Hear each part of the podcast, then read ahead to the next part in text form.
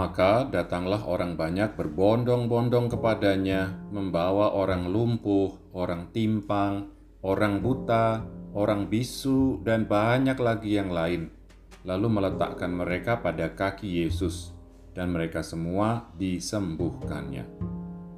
Maka takjublah orang banyak itu melihat orang bisu berkata-kata, orang timpang sembuh, orang lumpuh berjalan, orang buta melihat, dan mereka memuliakan Allah Israel. Teman-teman yang disayang Tuhan, masih ingat kan apa artinya Advent? Yep, Advent artinya datang atau kedatangan. Nah, masa Advent ngingetin kita akan kedatangan Yesus yang pertama, sekaligus juga ngajak kita untuk selalu siap siaga akan kedatangan Yesus yang kedua kali, yang kita nggak tahu kapan. Dalam kedua proses refleksi itu, kita diberi pewartaan akan Dia yang akan datang itu. Teman-teman terkasih, kalau sekarang kita selalu diingetin untuk berjaga-jaga, siap sedia untuk kedatangan Yesus yang kedua, dulu bangsa Israel udah ngelakuin itu untuk kedatangan yang pertama. Mungkin mereka malah lebih merindukan dan lebih siap menerima kedatangan Sang Mesias. Nabi Yesaya menubuatkan kedatangan Mesias dengan segala kebaikan yang dibawanya. Yesaya melukiskan kegembiraan orang pada waktu itu terjadi.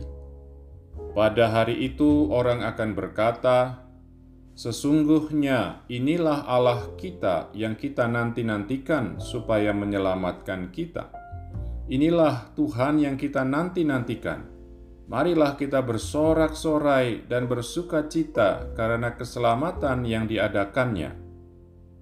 Sebab tangan Tuhan akan melindungi gunung ini. Teman-teman yang terberkati, ada kemiripan situasi dalam dua kutipan kitab suci seputar kedatangan Mesias tadi. Dalam nubuatan Yesaya dilukiskan ada sorak-sorai dan sukacita umat atas kedatangan Tuhan dan keselamatan yang dibawanya. Dalam kisah kehadiran dan pelayanan Yesus diceritakan ada ketakjuban umat dan pemuliaan Allah karena mereka juga melihat keselamatan dalam diri orang bisu, timpang, lumpuh, dan buta. Teman sahabat Yesus, gimana dengan kalian? Kalau Yesus datang, kira-kira gimana perasaan kalian? Senengkah? Atau malah takut? Atau biasa aja? Coba deh jujur merenungkan itu dalam hati. Coba bayangin waktu nanti Yesus datang dan kalian ketemu dia, kira-kira bakal gimana? Mantereman-tereman, kawanan pilihan Allah. Respon kita nunjukin gimana sikap hati kepada Yesus. Hanya orang yang merindukan Dia yang bakal happy dan sukacita waktu Dia datang. Hanya orang yang sadar akan ketergantungannya pada Dia bakal merindukan Dia.